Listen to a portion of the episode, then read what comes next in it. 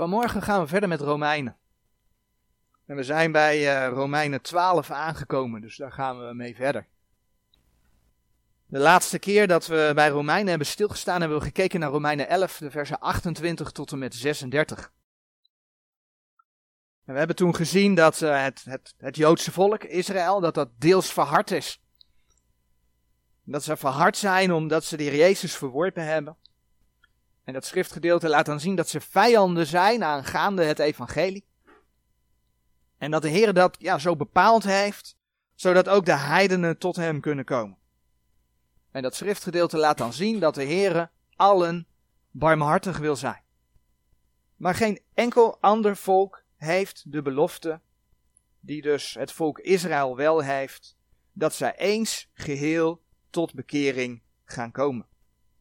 En we hebben gezien dat dat te maken heeft met de belofte die de Heer God aan de vaderen gedaan heeft, aan de vaderen van het volk Israël. En hij houdt zijn woorden. En daarom zegt dat schriftgedeelte, is het Joodse volk, zijn de Joden beminden om der vaderen wil. Nou, dat was Romeinen 11, vers 28 tot en met 36. En dan gaan we verder bij Romeinen 12. En dan doen we vandaag, we lezen twee versen, eigenlijk bespreken we maar één vers. Dus laten we eerst Romeinen 12, vers 1 en 2 lezen. Ik bid u dan, broeders, door de ontfermingen Gods, dat gij uw lichamen stelt tot een levende, heilige en gode welbehagelijke offerande, welke is uw redelijke godsdienst. En wordt deze wereld niet gelijkvormig, maar wordt veranderd door de vernieuwing uws gemoeds, opdat gij moogt beproeven welke de goede en welbehagende en volmaakte wil van God is. Het is maar een kort gedeelte, maar toch in Romeinen 12 vers 1 hebben we gelezen, ik lees het vers nog een keer. Ik bid u dan, broeders, door de ontfermingen Gods, dat gij uw lichamen stelt tot een levende, heilige en gode welbehagelijke offerande, welke is uw redelijke godsdienst. Dit gedeelte begint met ik bid u dan. Paulus zegt dat. Ik bid u dan. Staat misschien een beetje vreemd, maar Paulus bidt de Romeinen. Dat betekent Paulus vraagt de Romeinen. Hij verzoekt de Romeinen. En hij vraagt ze iets naar aanleiding van iets dat hij hiervoor geschreven heeft. Dat zit hem in het woordje dan. Het is maar een klein woordje, maar ik bid u dan. Dat geeft aan dat het een vervolg is op wat daarvoor geweest is. En eigenlijk geeft dat vers zelf toelichting. Ik bid u dan, broeders, door de ontfermingen Gods.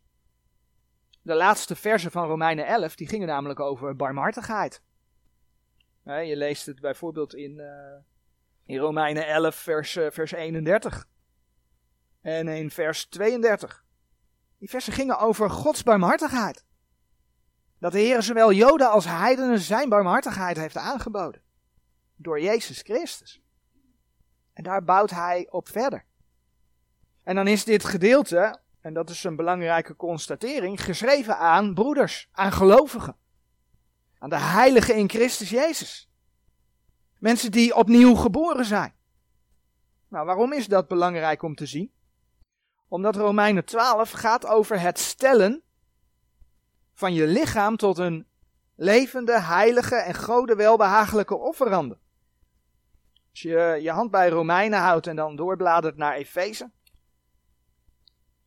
Teksten die we echt wel vaker gelezen hebben, maar die hier van belang zijn. Als het gaat om het stellen van je lichaam tot een heilige en gode welbehagelijke offerande, ja, dan heeft dat met werken te maken. Je doet iets voor de Heere God. En dan is het dus belangrijk om te zien dat het aan gelovigen geschreven is, want tot behoud komen, de Heer Jezus leren kennen, dat is niet uit werken, zegt de schrift. Efeze 2, vers 8 en 9. Want uit genade zijt gij zalig geworden door het geloof en dat niet uit u. Het is Gods gave, niet uit de werken, opdat niemand roemen. Dus het behoud is niet uit de werken, maar uit genade door geloof. Maar dan komt de navolging, de navolging van de Heer Jezus. Ja, en dan gaat het toch ook deels wel om werken. Niet om behouden te blijven, maar om loon en kroon. Dat je de Heer volgt. Efeze 2 vers 10 zegt dan ook, Want wij zijn zijn maaksel geschapen in Christus Jezus tot goede werken, welke God voorbereid heeft, opdat wij in dezelfde zouden wandelen. En daar zie je dus die werken om de hoek komen. Het is dus gered om te werken. En dat is dan ook wat we lezen in Romeinen 12, vers 1. De Heer heeft je zijn barmhartigheid gegeven. De Heer Jezus is ook voor jou naar deze aarde gekomen. Heeft ook voor jou geleden. Is ook voor jou gestorven aan het kruis van Golgotha. Is ook voor jou opgestaan uit de dood. En daardoor heb je als kind van God eeuwig leven gekregen. Hij is voor jou een woning aan het bereiden in het nieuwe Jeruzalem. En hij stelt bij trouwe dienst ook voor jou loon en kroon. Ja, beschikbaar. Stelt hij in het vooruitzicht. Dat alles en nog veel meer, hè, want de Heer zegt ook dat hij voor je zorgt als kind van God. Ja, dat alles maakt het heel redelijk. Romeinen 12, vers 1 spreekt over redelijke godsdienst. Dat alles maakt het heel redelijk dat je de Heer wat teruggeeft. En wat Hij wil, is je lichaam. De Heer wil dat je Hem dient met je lichaam. De Heilige Geest, de Geest van God, zegt Galaten 4, vers 6, is als je een kind van God bent in je hart uitgezonden. Dus Hij woont daar. En dan lees je in 1 Korinthe 6, vers 19 en 20, dat jouw lichaam dan ook een tempel van de Heilige Geest is. 1 Korinthe 6, vers 19 en 20. Of weet gij niet dat uw, lieder, uw lichaam een tempel is des Heilige Geestes die in u is, dien gij van God hebt en dat gij uws zelfs niet zijt. Je bent niet van jezelf. Want gij zijt duur gekocht. Zo verheerlijk dan God in uw lichaam en in uw geest, welke godes zijn. De Heere God wil je lichaam. Dan ga ik iets zeggen waar ik in het verleden ook wel het soms anders genoemd heb. Maar wat eigenlijk niet goed is. Maar soms krijg je een erfenis mee en je hoort heel veel dingen. Daar hebben we allemaal last van. Het is heel modern om te zeggen dat je je leven aan de Heer Jezus moet geven. Ik ook wel gezegd. Maar zo kan het als je preken naluistert dat je het een keer tegenkomt. Het is heel modern om te zeggen dat je je leven aan de Heer Jezus moet geven. Of het nu evangelisatie is, of dat het ten opzichte van gelovigen is. Maar bijbels gezien is dat eigenlijk niet juist. De Heer is namelijk al in levens van gelovigen. En de Heer is er zelfs, en dat gaan we zo zien, in levens van ongelovigen. De Heer is daar al. Want de Heer is alom tegenwoordig. De Heer laat bijvoorbeeld zien dat als mensen zijn woorden horen, dat geldt dus voor ongelovigen, dat zijn woorden in hen zijn. Want door het gehoor komt dat binnen in de mens.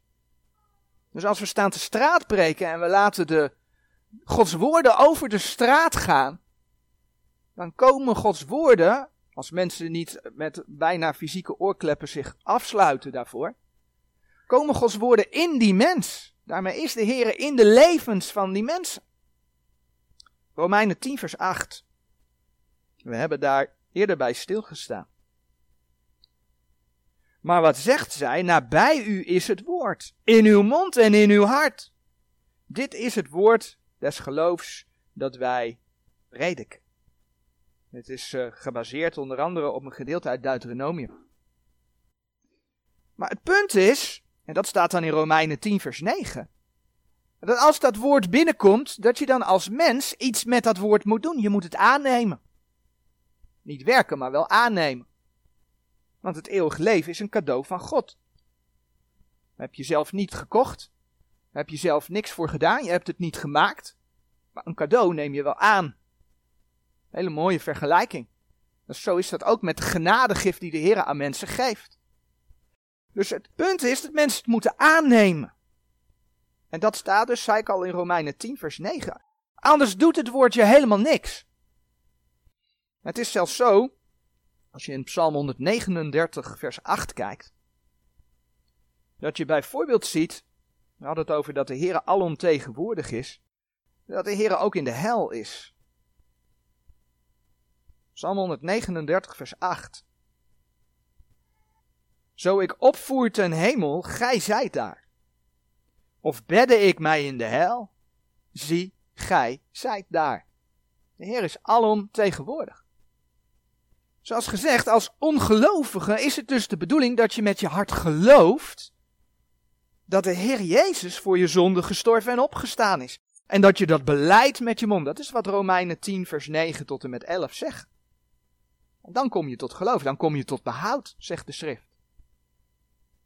Dus het gaat er in eerste instantie niet om dat je je overgeeft aan de Heer Jezus. In eerste instantie gaat het erom dat je met je hart gelooft dat Hij voor je zonde gestorven is en opgestaan is. Laten we Romeinen 10, vers 9 tot en met 11 even lezen. Laten we het dan ook gewoon vanaf vers 8 lezen. Maar wat zegt zij? Nabij u is het woord in uw mond en in uw hart. Dit is het woord des geloofs, het welk wij prediken. Namelijk indien gij met uw mond zult beleiden de Jezus en met uw hart geloven dat hem God uit de doden opgewekt heeft. Met uw hart geloven. Zo zult gij zalig worden. Want met het hart gelooft men ter rechtvaardigheid en met de mond beleidt men ter zaligheid. Want de schrift zegt, een iegelijk die in hem gelooft, die zal niet beschaamd worden. Het gaat erom dat je met je hart gelooft dat de Heer Jezus je persoonlijke verlosser is. Ik bedoel, je kunt je als een slaaf overgeven aan iemand en alles doen wat die persoon zegt, zonder dat je hart bij die persoon is. Maar het begint dus bij je hart. Dat je hem gelooft. En daarna komt wat Romeinen 12 vers 1 zegt in het geloofsleven. Dan gaat de Heer je lichaam vragen. Dan vraagt hij trouw. Dan vraagt hij dienst. Dat is wat daarna komt. Als je de Heer Jezus als je persoonlijke verlosser hebt aangenomen, dan ben je duur gekocht. En dan komt hij door zijn geest in je wonen. Galaten 2 vers 20. Dan wordt je lichaam, hebben we zojuist ook gelezen, een tempel van de Heilige Geest. Tegenwoordig hoor je heel vaak, als het over het evangelie gaat, mensen hebben problemen. Ik noem maar wat, hè, geldproblemen. Mensen zijn ziek. Ze hebben huwelijksproblemen. Of, nou, er zijn allerlei problemen meer die mensen tegen kunnen komen. En ja, dan moet je je leven aan de Heer Jezus geven en dan geeft Hij genezing. Dat is het uh, moderne evangelie. Geef je leven aan Jezus en dan lost Hij al je problemen op. Is dan het geluid. Maar zo werkt het niet. Zo werkt het niet. Dat houdt tot geloof komen op grond van de schrift, zoals God het openbaart, helemaal niet in. een stap verder, dan zit je in het welvaartsevangelie. Als je Jezus hebt aangenomen, gaat alles je voor de wind. Staat nergens in Gods woord. Sterker nog, je gaat te maken krijgen met strijd.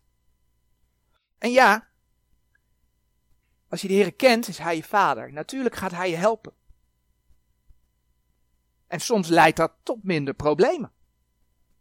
Je houding ten opzichte van de wereld verandert ook. Als het goed is. En dat kan ook problemen oplossen. Maar dikwijls, kun je in 1 Korinthe 10 vers 13 vinden, is het de Heer die kracht geeft om juist die problemen aan te kunnen om het te kunnen dragen.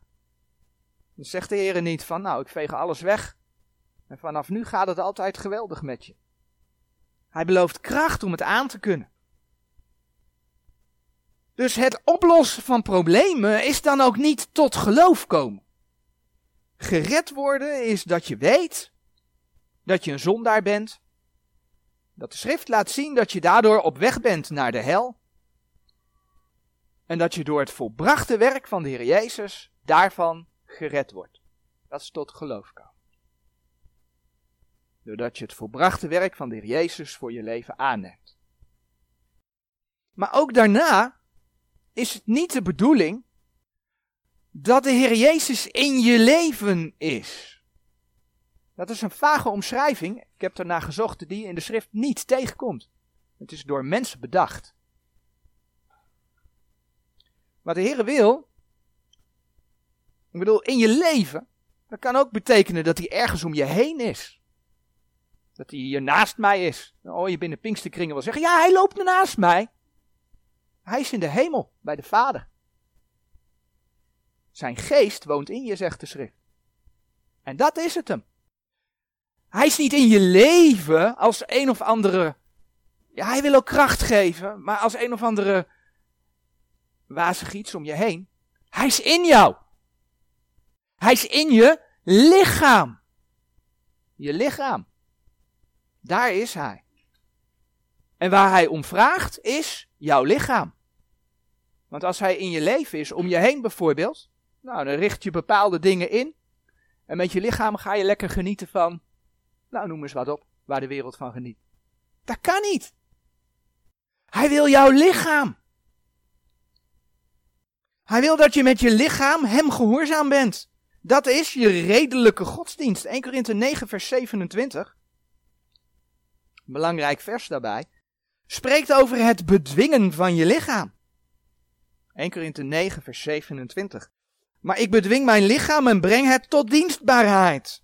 Opdat ik niet enigszins, daar ik anderen gepredikt heb, zelf verwerpelijk worden. Maar ik bedwing mijn lichaam. Nou, dat gaat natuurlijk om, je vlees. Je moet je vlees bedwingen. Maar zo spreekt de schrift ook over ja, dat je je lichaam tot dienst van de Heere geeft. Romeinen 6, vers 13. Romeinen 6, vers 13. En stelt uw leden niet der zonde tot wapenen der ongerechtigheid. Hè, dat is dus dat stukje vlees. Dat bedwongen moet worden. Maar stelt u zelf goden als uit de doden levend geworden zijnde. En stelt uw leden goden tot wapenen der gerechtigheid. De Heere wil je lichaam, hij wil je leden. Hij wil je voeten. Waar loop je met je voeten naartoe? Is dat tot eer van Hem waar je je voeten naar, uh, naartoe laat brengen? Hij wil je handen. Wat doe je met je handen? Sla je met je handen? Ik noem maar een voorbeeld. Hè. Sla je met je handen? Of help je een broeder of zuster? Of stuur je de auto naar de samenkomst? Wat doe je met je handen?